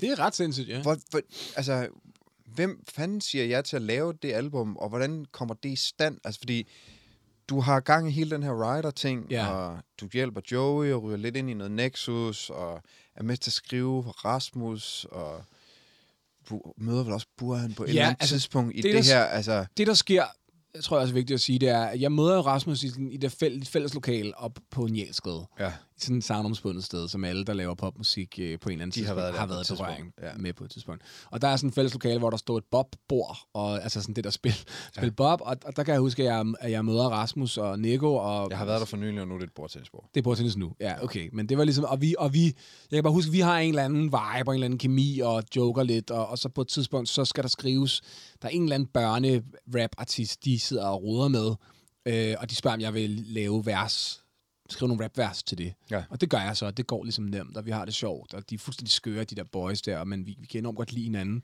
Øhm, som så ligesom bliver til en periode, hvor de drenge, de får rigtig mange opgaver, hvor de ligesom sidder og laver alt muligt mærkelig reklamemusik og pitcher sange til alle mulige popartister, altså Nikolaj og Rasmus gør, Ja. øh, og laver rigtig meget børnemusik. Altså dengang var det jo sådan noget, øh, dem der vandt Melodi Grand Prix, børnemelodi Grand Prix, de fik karriere. Altså, Ja, ja, de ja. solgte sådan noget 40.000 CD'er eller et eller andet. Og ellers har lavet plader. Der blev lavet albums. Ja. Og, men det, og der kommer sådan en overrække, hvor Nico og Rasmus og jeg, det er det, det, vi gør. Okay. Vi skriver, vi skriver popmusik til dem, der vinder MGP. Sejt. Øh, sådan super håndværk. Ja, ja, ja. Og, og rigtig meget, apropos det der med, ligner det min musikdrøm? Nej, det gør det virkelig ikke, men er det, er det, ligner det lidt mere... It ain't much, but it's honest work. Ja, det er det, og, Ja, og, og kan, jeg, kan, jeg, kan jeg være i et lydstudie? Altså, jeg var jo bare så meget optaget af den drøm, at hvis jeg fik lov til at være i et fucking lydstudie og lave noget, og der måske var penge i det, Ja. I'm down. Altså, det var bare sådan, jeg havde det. Det må jeg simpelthen bare indrømme. Ja, ja. Øhm, øhm, så vi skriver ligesom, jeg tror, det er sådan noget fire albums, eller sådan noget, til alle mulige b-boys, ham der Nikolaj, er altid- i tvivl om, han hedder Kjeldstrup eller Klejstrup, men en eller anden, sådan en guy der, og, og, og får sådan et vildt, vildt team op at køre, hvor vi, vi bliver så hurtige og så improviserende. Rasmus og jeg får ligesom sådan en, men det er ligesom, det, det er der stadigvæk. Det er sådan noget, hvor vi er, det, han er den hjernehalvdel, jeg mangler i mit, ja. og omvendt nogle gange. Så det er bare sådan, og vi begyndte ligesom på en eller anden måde også at, og, øhm, at, at love hinanden at sige, vi, det skal laves i dag. Vi skal gå med den følelse, vi får. Vi skal på en eller anden måde blive det meget sådan impro. Ja, ja. Hvilket der kommer ret vilde ting ud af, når man ikke er så meget i vejen for sig selv. Ja, ja, klart. Og stadigvæk den dag i dag, når jeg lytter tilbage på nogle af de ting, så tænker jeg, kæft, hvor er det fedt, det omkvæd. Eller kæft, hvor har vi bare Ja, ja, ja. ramt noget et eller andet. Øhm, men det er selvfølgelig svært at se, når man er i det. Men det bliver så, det, fordi vi har det der samarbejde de der år, så er det naturligt, at Rasmus ringer til mig den dag, han tager den der beslutning, som vi alle sammen jo lidt gik og håbede på, at han ville en dag. Netop, at det var ham, der skulle være i front. Altså, at der var bare noget, når Rasmus sang demoerne, Okay. hvor Det kunne I alle, mærke der? alle kunne mærke det der. Okay. alle kunne mærke, at det, det, der var, det var... Også de ja, mennesker, I samarbejder Ja, bortset fra ham. Altså, det tror jeg ikke. Han, Okay. han er den mindst... Øh, hvad skal man sige? Han er den mindst utippede popstjerne, og især også... Det, altså, det, det er han jo lidt stadigvæk, fordi det kald, har ikke kaldt på ham at Nej, være nej. i front overhovedet. Bare sådan lidt ligesom hans far. Det er ligesom bare, nå okay, det kan, det kan jeg godt gøre, og så er de bare gudsbenået til det. Ja, ja. Gud skal takke og lov, men, men jeg tror ikke, det har ikke været... Det var ikke drømmen. Det er meget sjovt. Øhm, så, så, så, så, men, så, men da han så gør det en eller anden dag, da Engel faktisk, det startede med, at han har Engel, han, han har omkvædet til Engel, så spørger han, hvad jeg synes om det, og så snakker vi om det, og så, og så starter han så glad igen, den sang, der hedder Glad igen fra hans album. Det er, det er den første, sådan en, vi rent faktisk går i gang med at lave rigtigt. Sådan. Så sådan, vil du ikke hjælpe mig med det her? Sådan, jo, og så... Altså, Jeg kan huske øh, den sommer, hvor Engel sprang i luften, fordi vi spillede en festival, hvor han, øh, han spillede før os. ja. Øh, hvor han åbnede med Engel og sluttede med Engel. Ja, ja. altså, det, det, Det var stilen dengang. 35 minutter, tror jeg, han havde til Ja, eller det et var rigtig andet, meget stilen, og det var stilen, det, det tror jeg også, jeg gjorde. Og næste år stod vi jo på samme scene. Han stod så bare kl. 21 over på den store. Han stod kæft. Men det er noget vanvittigt noget at have været en del af, og have stået ind i midten af, fordi det er umuligt at forstå det selv. Man kan, man kan kun forstå eller retrospektivt, hvad fanden der egentlig foregik der, fordi det var, det gik fra 0 til ægte 100. Altså, det var sådan noget, Jesus Christ, hvor det manifesterede sig. Og jeg kan huske, ham og jeg gik også sådan jokede, altså inden vi gjorde det med sådan noget med, ja, så, du, kunne- du kunne være sådan lidt moderne Helmi, eller sådan. Det var lidt sådan, vi havde Ja, ja, ja. Og så... Øh, altså, jeg blev nødt til at fortælle den her historie, fordi jeg bare synes, det er så grineren. Øh, og jeg har også fortalt den til Rasmus for nylig med det der med... Hvor, fordi vi, vi kunne nærmest ikke engang selv forestille os, at han kunne være popstjerne. Nej. Fordi det var den tid, det var Nick og Jay-tiden, hvor popstjerner var enormt sådan, øh, smukke og læderjakke-agtige. Altså, Ja, ja. de var meget lyssatte. Og, og, Og havde apps. og havde apps, ikke? Og Ralle gik rundt i den der periode. Han var sådan lidt, han var sådan lidt en stor fyr. At på den periode var han sådan Du har nogle gange fortalt mig, at du kom ind i studiet, og så sad han og spiste kage. Ja, han var kagefar dengang. Han var super kagefar. Han var den eneste, jeg nogensinde har kendt, der bare hele tiden havde sådan en paptallerken med en kage på, og så havde han bare mave. Altid bare mave. Så gik han sådan rundt, og så kunne han finde på at sige ting som, er det okay, jeg lige spiser kage hos jer? Så sad han, så, så sad han nogle gange inde hos mig og Joey og spiste kage, og jeg har aldrig før eller I bare mave? Ja, ja, han var bare sådan lidt... Og man elskede at hænge med ham, så det der for grineren sådan en fyr, men man tænker da ikke, at han er Danmarks største, sådan, i vores levetid, største artist. Altså sådan, who would have thought? Slet ikke, når. Nick og Jay bare står i bar med Jamen, troede det så sådan der ud, meget Ja, ja, ja. mere pels og lyssat, og meget mere sådan, du ved... Klart. Øh, så, så, og så kan jeg huske, at jeg sådan nogle år efter det... Og måske netop derfor var der et fucking vakuum Jeg- for noget ægte. Ja, og jeg kan huske, Ikke, der, nogle, andet der er går nogle ægte, år, men- og så ser jeg sådan en spiseseddel på vej i, i studiet om morgenen, hvor Se og Hør har haft sådan en kåret Danmarks mest sexede mand, hvor Rasmus er Danmarks mest sexede mand. Og det var sådan en fornemmelse af virkeligheden, der sådan lige øh, på en eller anden måde lige Ja. ja. ændrede sådan, what happened? Ja. Ja. Det var kage, ham det kagefar. Er, blevet, er I blevet enige om, at Danmarks mest sexede mand? Sådan, okay, Har du set ham det har været nogle gode, kringle? det har været nogle gode sange. Altså, det forstår du, jeg mener? Og han Ja. ja. er en flot fyr, det er slet ikke jeg ikke prøver at sige. Men det er bare svært at, det er bare svært at se det tæt på, på en Ja, eller anden ja, måde. ja. Øhm, så, så, så for at svare på det der spørgsmål, hvordan endte, det var det, du spurgte om, hvordan endte alle Ja, de jeg der vil gerne hen vilde- til din debutplade. Altså, fordi øh, alt det her, det er jo, det er jo fucking... Det er jo history på Ja. en eller anden måde, men starten på din egen karriere Ja, jeg får, som artist, jeg får, jeg får som artist. Jeg får et opkald fra Buren G på et tidspunkt, øh, som har været frygtindgydende, fordi jeg, jeg er noget jo at se, burde han være stjerne, inden jeg begynder at arbejde med ham. Se, jeg synes, han var altså, bare... Det, jeg synes virkelig, han var the bomb, ikke? Jo. Øhm, og han ringer så og siger, de der ting, du har lavet med Rasmus, det, det, det er fandme fedt. Øh, har du lyst til at skrive nogle sange sammen? Ja. Som er jo er meget normalt i virkeligheden, men for dengang for mig har det jo været sådan, du ved, sådan, det bliver draftet jeg- til the jeg- big league, at nogen, Burhan G ringer simpelthen til mig. Han har fået min telefon, og ringer til mig, ja. og spørger, om jeg vil lave noget sammen med ham, ikke? Øhm, og, og jeg skriver så nogle sange sammen med ham, og, og der er nogle af de sange, der, kommer, der også kommer ud, og er, du ved, er på det der, hans, hans helt gigantiske store danske album, det der, hvor ja. Ja. det, det er faktisk det album, hvor tættere på himlen og mest ondt, og de der sange på. øhm, ja, det, og, og fuldstændig sindssygt, der, der har jeg nogle sange på, og, og, og, og han siger så til mig, som den første nogensinde, så siger han, du er helt forkert på, altså, du er helt forkert på den, Marker. Altså, du kan slet ikke se selv, hvad du skal. Men, men det skal jeg fortælle dig. Altså, sådan, alt det der sure jinx rap, du har gang i der. Hvis man kan skrive sådan der, som du gør sammen med Rasmus, og man ikke gør det, så er man simpelthen for dum. Altså, så det, det, det, det vi gør nu, det er, nu producerer jeg et track, og så, så skriver vi noget rap på, ud af den der ånd Ja. med det. Og det tager, hvad du vil. Det er simpelthen den første sang, vi laver. Det er simpelthen den første sang, vi laver. Okay. Der laver han bare de der tråd, han har de der, de der samples, de der big beats, tror man hedder de. Dum, dum, klak, dum, dum, klak, og så spiller han over på det. Eller sådan, og så, og så, øh, så siger han, skriv noget, skriv noget vers. Ja. ved. Så gør jeg det, og så skriver vi det omkvæd. Selve omkvædet skriver vi sammen, Ja. Og så skriver de der vers, og så recorder vi det, og så pludselig har jeg en karriere. Altså, det var virkelig overnight på den Fuck der for måde. Ja, han er virkelig bare sådan, Så du har ikke rendt rundt og haft en drøm og nogle demoer og sådan arbejdet fokuseret hen imod det? Det har jeg 100%, men det så ikke sådan der ud. Okay. Det var meget mere... Øh, det var, Det var meget det der mere, Jinx Ja, det var meget mere... Party og... Ja, det var sådan lidt partyagtigt. Jeg prøver også nogle ting af, sådan, hvor jeg prøver at finde den. Man kan få landet netop som refererer den der pst-sang, sådan, hvor jeg prøver lidt at, at være lidt sådan, hvad, hvad kunne det være, hvis det også samtidig gerne ville, være ud af vandet. Jeg kan slet ikke, jeg finder den slet ikke. Jeg nej. 100.000 ting. Jeg laver jo også det der på engelsk, One Night og sådan nogle ting. Ja, det er rigtigt. som er meget Rich sådan, Kids, det er. Rich Kids og Ja. alle de der ting, men man finder den ikke rigtigt, Nej. før, før B ligesom siger, Men det er noget, der kører sideløbende med hele din sangskriver-ting. Derfor der forsøger du ligesom at få ild under Jinx. ja, ja. ja, der forsøger jeg at få Elon og Jinx, og for, for, One Night er et hit. Er det, et hit Det er et hit. Det hitter faktisk, og jeg er ude på klubtur og sådan noget weird Ja, ja. shit med det. Øh, men, men så sideløbende med det, så er det bare Buren ligesom bare tager fat i min krav og bare sådan, hallo! Altså, det jeg huske fornemmelsen af en, der siger sådan, hallo for helvede. Ja. Se nu bare nu. Altså, gå nu. Kom nu. Altså, Gør nu bare det, du er god til. Gør nu, det du er god til. Ja. rimelig vild oplevelse, ikke? fordi det er netop bare spare... Tag, du vil, bliver jo altså, nærmest årets sang det år der på radio, og, og bliver ugens uundgåelige, og P3 øh, supporter os, og... Ja, jeg ved ikke, hvor tror, længe- vi går nummer et, altså på radio, sådan husker jeg det i hvert fald. Det er i hvert fald op i den... Jeg ved ikke, hvor, øh, hvor længe... Altså, den er jo kommer ud i 2011. Men Jeg ved, kan ikke huske, hvor længe det er siden, at Spotify er, er startet, men det er jo en sang før Spotify. Ja, det er der præ- har jo 13 millioner Ja, ja. eller sådan noget streams. Altså, Ja, det er ja, jo det er noget, lang tid folk, før Spotify. folk bruger Ja. stadigvæk, den Ja. sang der, ikke? Jo.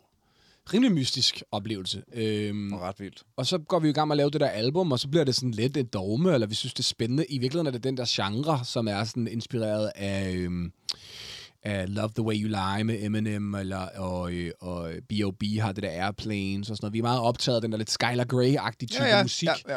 Øhm, og det er ikke hele albumet, der er sådan en ret stor del af albumet, er jo, ligger lige det der spændingsfelt imellem noget, der er sådan nærmest et spoken word rap, og så, øh, hvor jeg the, føler jeg er The Streets-agtig, mm-hmm. og så sådan meget pop, fordi jeg af, at jeg er god til at lave det her pop-agtige omkvæd, ikke? Jo.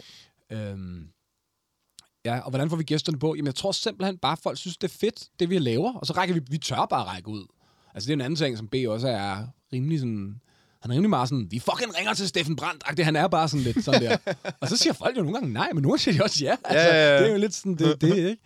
Og så havde, kom jeg jo fra ryggen af, på ryggen af, af kæmpe succes med C-Bak og nogle ret vilde hits med B. Og så pludselig, så var folk bare sådan, ja, men vi kan da godt lige tage en session. Så blev det bare godt nok til, at folk gad at Ja, ja. gøre det. Altså, det, Sygt. Ja, rimelig sygt. Altså, rimelig fucking sygt. Og Øhm, pludselig stod du på scener i tanktop. Ja, men pludselig så kom der en, karriere, en rigtig karriere, hvor jeg også, ja. Altså netop som du siger, jeg tror, i, så- i min samtid, altså mens det, vi gjorde det, mens det ligesom var stod på, så tror jeg ikke, folk havde ret svært ved at bedømme, hvor stort det egentlig var. Fordi jeg var ikke stjerne på samme måde, som Medina var stjerne. Men Nej. jeg solgte faktisk lige så mange albums det år, som, altså, det gik jo platin. Altså, jeg solgte 20.000 af hver af de plader. Mhm. Mm-hmm. Øh, og, og havde sådan noget, måske otte af de helt store hits, ikke? Jo. Så det var sådan en underlig størrelse, men det var stort nok til at have til at holde selv koncert, koncertbilletter og spille festivaler. Og, altså, det blev rigtig Ja, ja, stort. Øh, og stadigvæk den dag i dag er det jo, hvilket rører mig så meget, og er 100% grunden til, at jeg skal udgive mere musik, det er, siden jeg stoppede med at udgive musik, som er seks, det er seks år siden, jeg puttede en sang ud som Ankerstjerne, så jeg har stadigvæk sådan noget 140.000 mundtlige lyttere på Spotify, og jeg hver dag er der nogen, der skriver, Ja. hvornår er der ny musik, eller tak for det der musik, eller altså, det, det, de er bare slet ikke Jamen, det er også så svedigt. og når jeg poster netop sådan, hey, jeg har tænkt mig at udgive en sang i år, så er det bare inde på Facebook, altså like I never left på en eller anden måde. Men skal vi snakke lidt fremtid så? Fordi Ja. jeg, jeg, normalt i sådan ildsjæls regi, så har vi jo nogle, så er der sådan nogle spørgsmål, vi lidt kredser om, Ja. som vi rammer, men, men jeg kan se, mange af dem rammer vi også med lytterspørgsmål, så jeg vil, jeg vil gemme nogle af dem. Øh, selvfølgelig. Øhm, men hvad er så, hvad, hvad, hvad, hvad er det, der trigger nu, at der skal mere musik ud? Sådan noget, synes jeg jo er, er mega interessant, fordi jeg tænker Fordi dig... du selv er en del af det. Ja, for det første. øh, men mest fordi, nej, men det er sgu mere fordi, som jeg kender dig, og, og når jeg hører din historie, ikke, så meget af det er jo, er jo måske også den side af dig, som er ret entreprenant. Altså, Ja.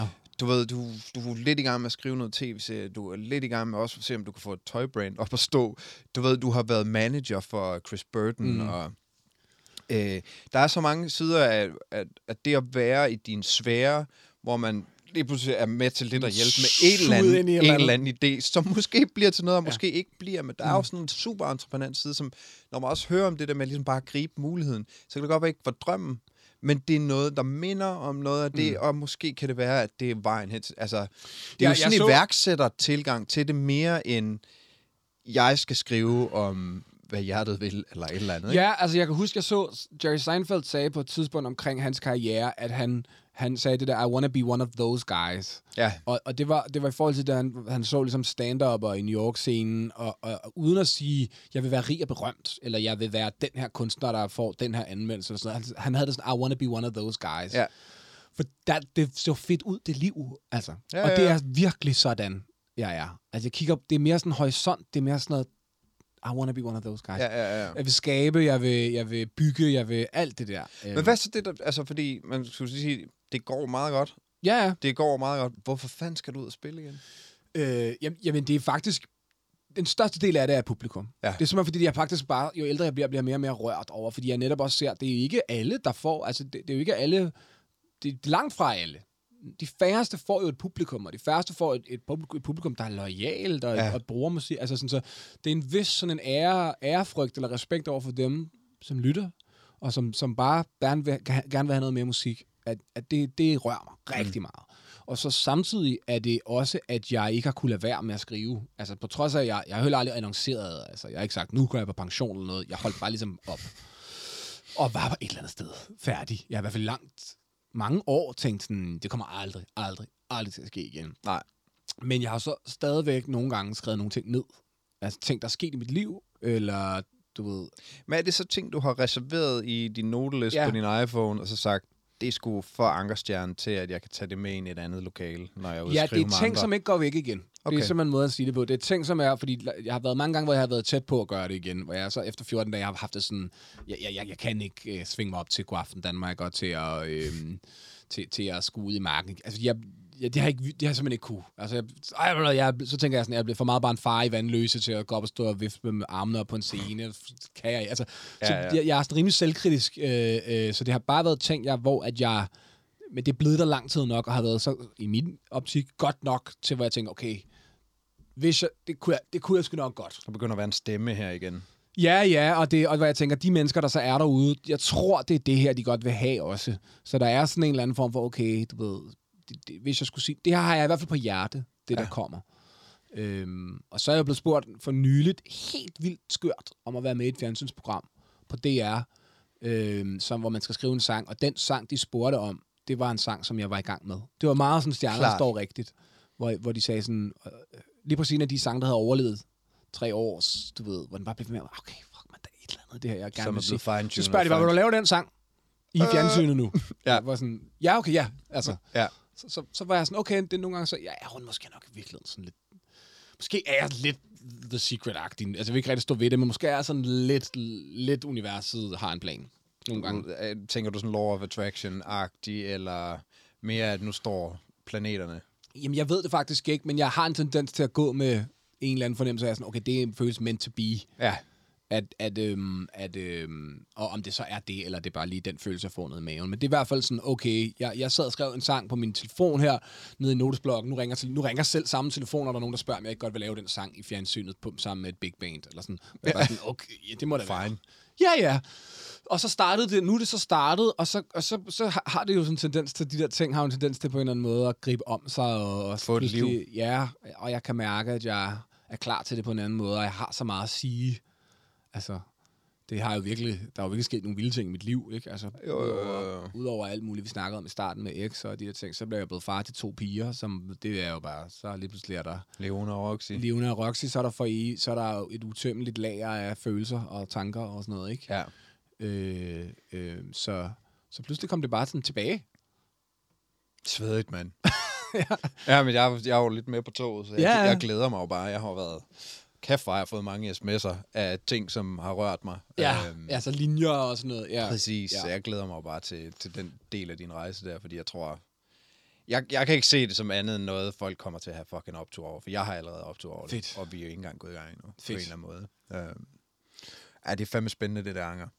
Øhm, jeg synes, vi skal prøve at hoppe lidt hen til ja. nogle af de her lytterspørgsmål, fordi jeg, jeg har... Vil el- jeg vil elske det, altså. Jeg har en masse af sådan nogle øhm, ting, som jeg kunne spørge om. Øhm, men jeg synes, det er lidt sjovt. Øh, fordi, at det er publikum? Ja, ja, det synes jeg er lidt sjovere. Også fordi, at nogle af deres navne er rigtig grineren. Og at, Fedt. Altså ja, deres... Øh, deres Instagram-navne. Deres handles, ja, okay. Ja. Eller de er dårlige. Ja, det er okay. okay. fedt.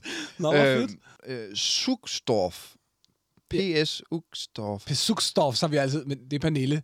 Okay. Som jo er øh, min mest loyale og, og måske, måske min største fans, så tror jeg. Nå, så er det fandme, okay, så tager vi altså... fantastisk. Så tager vi altså alle tre af hendes Lad os tage dem, ja, ja. Øhm, øh, hvis du selv kunne vælge en kunstner at skrive en sang til, hvem skulle okay. det så være, og hvorfor? Uha, okay, kæmpe spørgsmål jo. Om hvis man kun skal vælge en. Jamen, jeg synes, det er lidt sjovt, det spørgsmål, fordi det jo taler lidt ned i vores drengedrømme og de her ting her, ikke? Altså, og, og bliver man ved med at have de drømme? Altså, er den kunstner, du skal vælge, er det en, du er det, op, er det en af evighedsne, eller har du lidt ramt en af dem på turen? Jeg har, jeg har, har skrevet med nogle folk, som, jeg, som er legender, og som jeg er stolt af, at jeg har arbejdet med, men, men jeg tror måske, de der helte, jeg har, øh, de er jo meget sådan som jeg i hvert fald oplever dem, sådan nogen, der selv skriver. Altså, jeg, jeg, så skulle det have været for lov til at skrive en sang sammen med Amy Winehouse. Ja, øhm, som du har op og ned af Som jeg har tatoveret helt skørt i virkeligheden. Ikke? Ja. Fordi hun endte med at blive så meget allemands eje, men, men jeg var så meget... Hvad har hun betydet for dig? Jamen, Amy var sådan... Øh, jeg tror ikke, jeg var blevet sangskriver. Altså pop-sangskriver. Altså melodi og, og sådan på den måde sangskriver, uden at have været kæmpe stor fan af det der Frank-album. Ja. Som hun laver. Altså det vil sige før Rehab-album, før, jo, jo. før det der og Back to Black og de der ting. Fordi øh, min ven Nappel viser mig sådan nogle videoer med Amy, der synger på Facebook, sådan noget, hun var en- sådan semi-viral, hvor hun bare sad og sådan og performede sådan nogle standards, jazz standards og sådan noget på, på sådan nogle Instagram-videoer, hvor jeg var bare fuldstændig mind, jeg var bare så draget af hende, og hendes udtryk og hendes klang. Og den måde, hun så skrev, så skrev hun sådan noget, hun har en sang, der hedder Fuck Me Pumps, som, som, er, som er sådan lidt rap-agtig. Altså, Ja. ja. hendes ting var jo i virkeligheden, og jeg tror sådan noget, eller hun, jeg ved, hun var stor fan af Nara, så nogle af de der ting, som man kunne høre, hendes sprog og hendes måde at, at skrive popmusik på, var relativt sådan hip-hop, synes jeg egentlig. Ja. Så altså, var jeg bare fuldstændig besat af hende, faktisk. Ja. Og, øh, og hun repræ- repræsenterer også måske også en type kvinde, som jeg har haft en, en periode i mit liv, hvor jeg har været lidt optaget af sådan nogle lidt farlige dark, darkness-agtige typer. Ja. Så jeg var sådan, ja, jeg har været meget optaget af det. Så der var det helt vildt underligt, at det, når det så break up, så kom rehab, så var sådan, min mor hørte det også, når hun vaskede, vaskede op. Altså, det ved, så var jeg bare sådan, okay, så er lidt mindre, mindre fan. Sådan er det jo. Øhm, Men hende, for eksempel. Ja, eller du ved, så er jeg jo et kæmpe John Bellion-fan, og, men han er jo også meget writer-producer, og øh, øh, du ved, skulle det være fucking at få lov til at lave en sang til Bieber. Ja, Det må, må i virkeligheden være lidt topmålet, helt på en eller anden måde. Arbejde med Ed eller Bieber, eller de der, altså, De drenge er du sindssyg? Ja. Øh, Verena, Verena Rytter. Ja, det kan man jo selvfølgelig godt bare hedde Rytter til efternavn. Det er fordi, jeg ser... De har siddet og hygget over jeg- de der jeg- Instagram-navne. Jeg, ser, en, ser en rytter for mig, der bare hedder Verena. det er også meget godt. Øhm, hun spørger, hvis du kunne give dit unge jeg et råd, hvad skulle det så være? Det synes jeg skulle ret fint. Ja, det er også nogle, det er nogle gode spørgsmål, hva'? Øhm, Lad være med at tage til Horsens. Ja, men det skulle, skulle du jo så. Ja, du skulle jo klart. tage til Horsens, fordi der er slet ikke noget, der sker uden Horsens. øhm, ja, jeg tror måske, slap af. Altså, slap nu af, for fanden. Altså, Hvad tænker du på der? jamen, jeg mener bare... Er det sådan try hard, slap af, eller er det... Jeg mener, Trust lad, lad in- være med at være så hård ved dig selv. Altså, Okay. sådan, jeg mener i virkeligheden... Jeg mener i virkeligheden... Øhm, ja, altså, det, jeg tror måske, jeg har været... Det har været, inten, jeg har været, jeg, det har været intenst at være mig i Okay. de her perioder, også når det er gået godt. Ja. Jeg, så, jeg, så, jeg brænder så øh, voldsomt, at jeg også bare nogle gange sådan, så brænder også alt det gode. Ja. Altså, og jeg, det har taget mig lang tid, ikke fordi jeg er der i dag, men jeg, jeg er blevet bedre til at, sådan at, at tænke, okay, for jeg er heldig, og hvor er det bare vildt at have fået så mange af sine drømme opfyldt, og, og jeg er også blevet bedre til at, øh, Lasse sagde, altså Lasse Pelfinger, som jeg var i Rider Camp med i sidste uge, sagde det der med, at man kan godt klatre og nyde udsigten. Okay, ja, det forstår jeg godt. Fantastisk Så fint billede. sagt. Ja, det, gjorde, det har jeg ikke gjort. Nej. Jeg har klatret. Jeg har klatret, og så har jeg bare kigget lige ind i den der, det der bjerg. Og sådan, kæft, hvor er det godt, det. Altså. Så sådan, ja, vi tror måske slap noget af, og på en eller anden måde nyde, nyde det lidt mere. Altså, nyde, Så, nyde jamen, turen lidt mere. hvor, har der været tidspunkter, der har været på turen der, hvor det bare er blevet til missede nattetimer, og i virkeligheden så er det gået godt, men Ja, du har bare... jeg har ikke fejret nogen ting. Altså, jeg har ikke, jeg har ikke, jeg kan ikke huske, at vi nogensinde high-fivede, fordi vi gik nummer et. Nej. Altså, vores fælles ven Andreas har jo været, jeg synes, han har været så god til det. Det der med, altså, nogle, Andreas var god til at så fejre den, da de startede, altså bare sådan, og nu gik de top 38. Jeg husker Ja. at have samtaler med ham, hvor sådan, vi er top 38, hvor jeg var sådan, må man godt overhovedet være glad så? Eller sådan, Selvfølgelig må man det, og det ville jeg ønske, jeg havde været. Ja. Altså, og, og alle de der, når vi læser mit CV, og du siger, åh, du ved, de der år, hvor vi var jeg nummer et på Koda, og sådan noget, det har jeg overhovedet, det har ikke haft nogen emo- Sjovt. emotionel værdi. i. Det har bare Sjovt. været, godt, flueben, øh, videre, næste. Øh, øh, og Jeg har, det, det, men det, hvad tror du, det kommer af? Altså, fordi jeg har, jeg har meget af det samme. Ja. Nu har jeg et par ting, der er gået rigtig godt, og jeg, jeg debatterer tit med mig selv, om jeg overhovedet skal sige det til nogen, eller skrive det på Det, Instagram. men det, vil, det skal man. Man skal gøre det, man skal skrive det på Instagram, og man fordi skal jeg gå så ud- hurtigt bare hopper på mit cykel og sætter mig i studiet og tænker, Ja. jamen så må vi jo slå det. ja. Så, så må vi jo... Og det er heller ikke dårligt. Man bliver jo heller ikke, jeg tror ikke, man bliver, man bliver ikke de bedste af de bedste, hvis ikke man også har det der.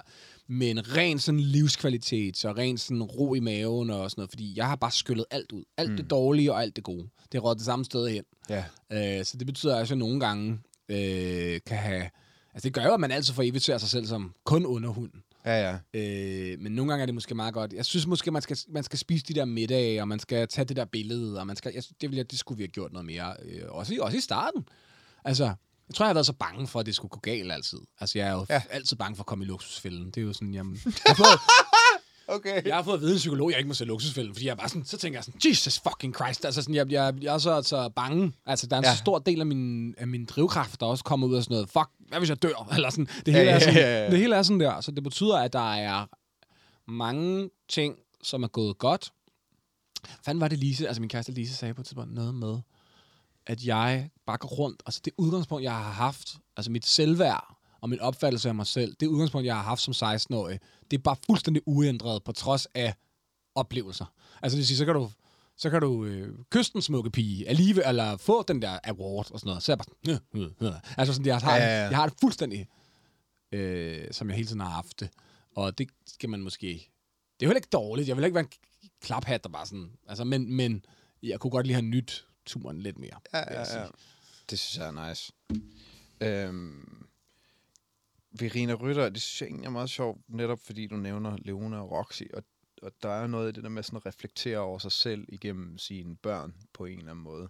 Hun, øh, hun siger, øh, hvis dine børn vil lave musik, hvad siger du så til dem? Jamen, det, det, det, det vil jeg elske, faktisk. Ja. Har jeg faktisk fundet ud af, at det vil jeg elske. Efter, så efter vi har begyndt at lave den her podcast, hvor vi, begynder, hvor vi har snakket med andre mennesker i, mange mennesker i, i øh, blandt andet underholdningsbranchen, øhm, vores snak med Adam Prise, Ja, der faldt der sådan en tiger for mig, hvor jeg bare sådan, hvor lyder det også fantastisk at være et, en familie, hvor vi... altså fordi de har den her legacy-familie, hvor de bare er gøjler og Ja, scenefolk i 300 år. Eller Ja, hvor, vi har, ja, ja hvor, hvor, hvor, hvor det, vi er passioneret omkring, og det, vi ved noget omkring, det er også må fylde i, i, i livet derhjemme. Jeg har faktisk haft lidt en periode, hvor jeg var rigtig bange for, at mig og Lisa er jo skuespiller, at vi bare kom til at downloade det, og så skulle de blive sådan showbusiness-børn, og jeg har faktisk været sådan lidt bange for det. Altså faktisk, fordi, sådan, ja. fordi jeg er sådan, åh, du ved, der skal lige være plads, de kan blive alle mulige. Men, men jeg tror, det var Adam Prise. Det var i hvert fald en af de mennesker, vi har haft samtale med her, som sagde sådan, ja, ja, men mor og far er glade for noget. De går var op ham. i noget. Det var ham. Jeg, Ja. det, det sidder så meget i mig. Ja, at de, og så pludselig være sådan, fuck it, det, i hvert fald, ja, de skal ikke være showbiz-børn. Men jeg vil da give dem det, jeg ved mest om, og det, som jeg elsker mest. Så selvfølgelig skal vi spille musik, også fordi de netop, Leona allerede nu, opt- hun optræder hele dagen lang, Ja, ja, laver scener, spiller scener for film, synger og alt sådan noget. Og i stedet for, altså, jeg skal nok lade være med at blive Joe Jackson, og ligesom køre. Altså, det er ikke det, der skal ske. Jeg skal ikke pæse hende, men, men, mm. men det er trods alt det, jeg har brugt hele min tilværelse. Og hvis jeg ved noget om noget, så er det der underholdning. Så det, det skal vi da snakke om og tage alvorligt. Altså, det er jo da, ja. Vi har også lidt sådan en dansk ting, der, hvor, hvor at alt, alt sådan nogle, øh, alle sådan nogle drømme, der smager af skuespil eller musik eller sådan noget, det mm. er lidt ligesom, som du startede ud med at sige, at vi forstår det ikke, så det kan nok ikke blive virkeligt. Men du har sådan en fin ting, som du altid siger, at det er heller ikke sikkert, at du får ingeniørjobbet, selvom du læser til ingeniør. Det er i hvert fald Det ikke er sikkert, ikke- det gør, at du bliver glad. Præcis. Så du, der har du den der ting, hvor du bare siger, jamen, så gå dog for den. Ja. Hvad er det værste, der kan ske? Ja. Fordi det værste, det kan også ske alle mulige andre steder. Fuldstændig. Du, Du kan også ende med ikke at være arbejdsløs. du går ned med stress, du kan blive fyret, det kan vise sig, at det der, du tænkte, du drømte om, ikke var drømmen. Altså sådan, der ingenting er garanteret alligevel. Og det er jo der, hvor vi er så heldige, vi bor i Danmark. Så når Leoner fyrer afsted med Let It Go, så er det jo bare... så er det jo det fedeste, jeg vil. Og, Kør, altså. Det fedeste, jeg ved, og det, det skal jeg heller ikke stå... Altså, det vil også være synd på en eller anden måde. Altså, hvis hun kan få en eller anden... For, altså, om ikke andet, så må jeg give hende, noget, så må jeg give hende musik.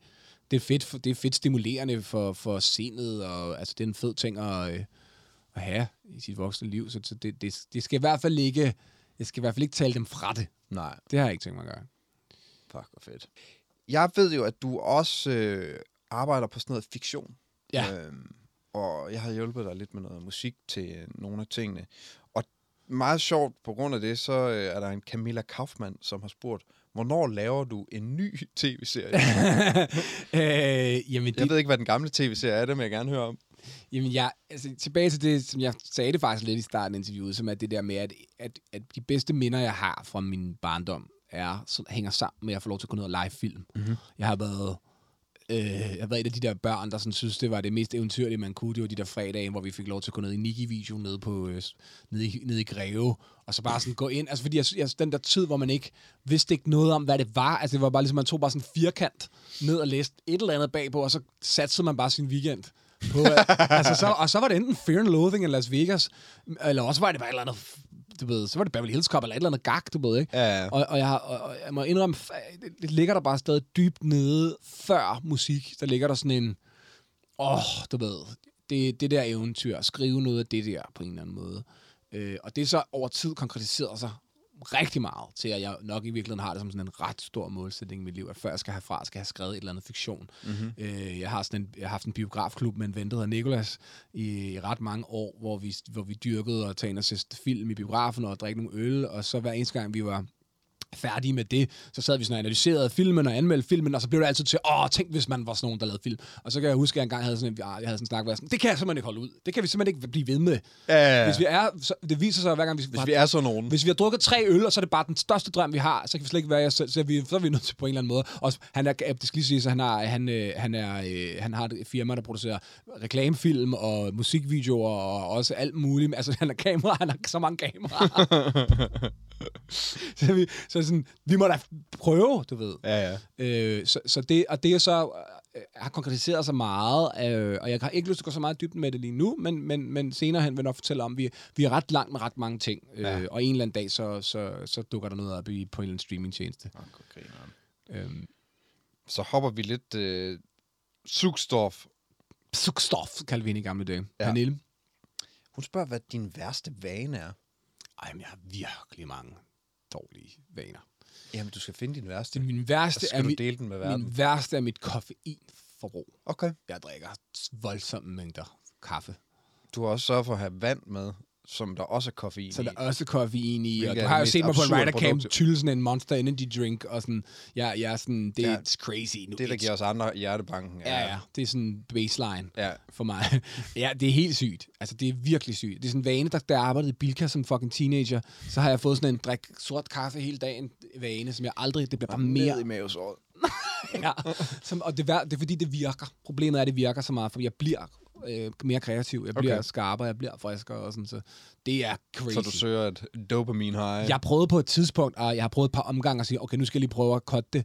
Men det var sådan, hvor Lise var nødt til at sige sådan, du, vil du godt være sød og drikke noget kaffe? Altså, fordi hun kunne slet ikke, jeg bliver bare helt sur og sådan, og, altså, og, og, kunne slet ikke, jeg lå bare og var sur. Jeg er helt fucked. Og så var jeg inde og læse alt muligt om det, om folk, der har sådan noget caffeine addiction. Så står der sådan noget, hvis man prøver at gå af kaffe, så skal man informere sit, sit bagland. Så- og det skal jeg. Jeg skal informere min arbejdsgiver, eller sådan, forstår du, hvad jeg mener? Ja, ja, ja. Altså, det er helt fucked. Fucked up. Fuck, hvor grineren. øhm, mm, mm, mm. Jeg gad ikke skrive alle navnene ned på dem, der skrev det her. Fordi det bliver rigtig, rigtig kedeligt i det der kommentarspor, at alle spørger, hvornår skal du spille koncert? ja, jamen det skal jeg vel i år. Nå, Uh, det tænker jeg faktisk, jeg skal på en eller anden måde i år. spændende. Øhm, og, og, og det er jo virkelig ikke, kedeligt er det jo ikke for mig, fordi det er jo virkelig en hele bevæggrunden for at ville noget. Det er jo netop fordi, jeg bare sådan, for er det bare vildt, at seks år senere, så er der bare stadigvæk, hver gang jeg poster noget om X-Factor, eller om vores podcast, eller et fiktionsprojekt, eller en andet, jeg har skrevet en sang for en eller anden, så er det bare, "Hva- men hvad med dig? Ja, ja. Hvornår spiller du koncert? Ja. Og det bliver jeg virkelig rørt af, og det, så det, det skal jeg bare snart. På en eller hvor anden er måde. det Det tror jeg, jeg skal. Ja, det sker i år. Okay.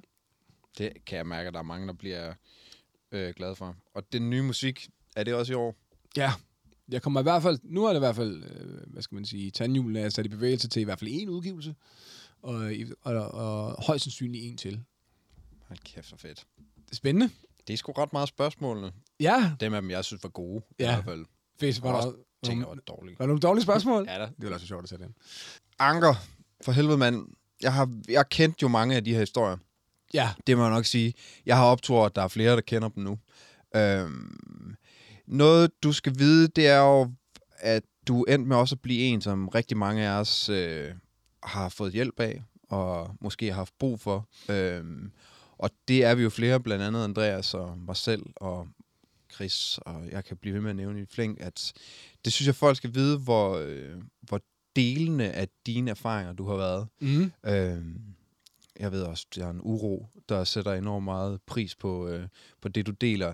Og det vil jeg bare give dig kæmpe tak for. Jeg Fedt. synes virkelig, at øh, du er blevet en, en del af mit liv, som jeg sætter pris på, I som lige måde, jeg respekterer højt. I lige og måde. det er du for mange af os ude i branchen. Øh, Optur. og det er vigtigt, at folk også ved det. fedt. Det Så tak for at dele endnu en gang. Det kan du tro. Selv tak. Det var en lidt anderledes episode.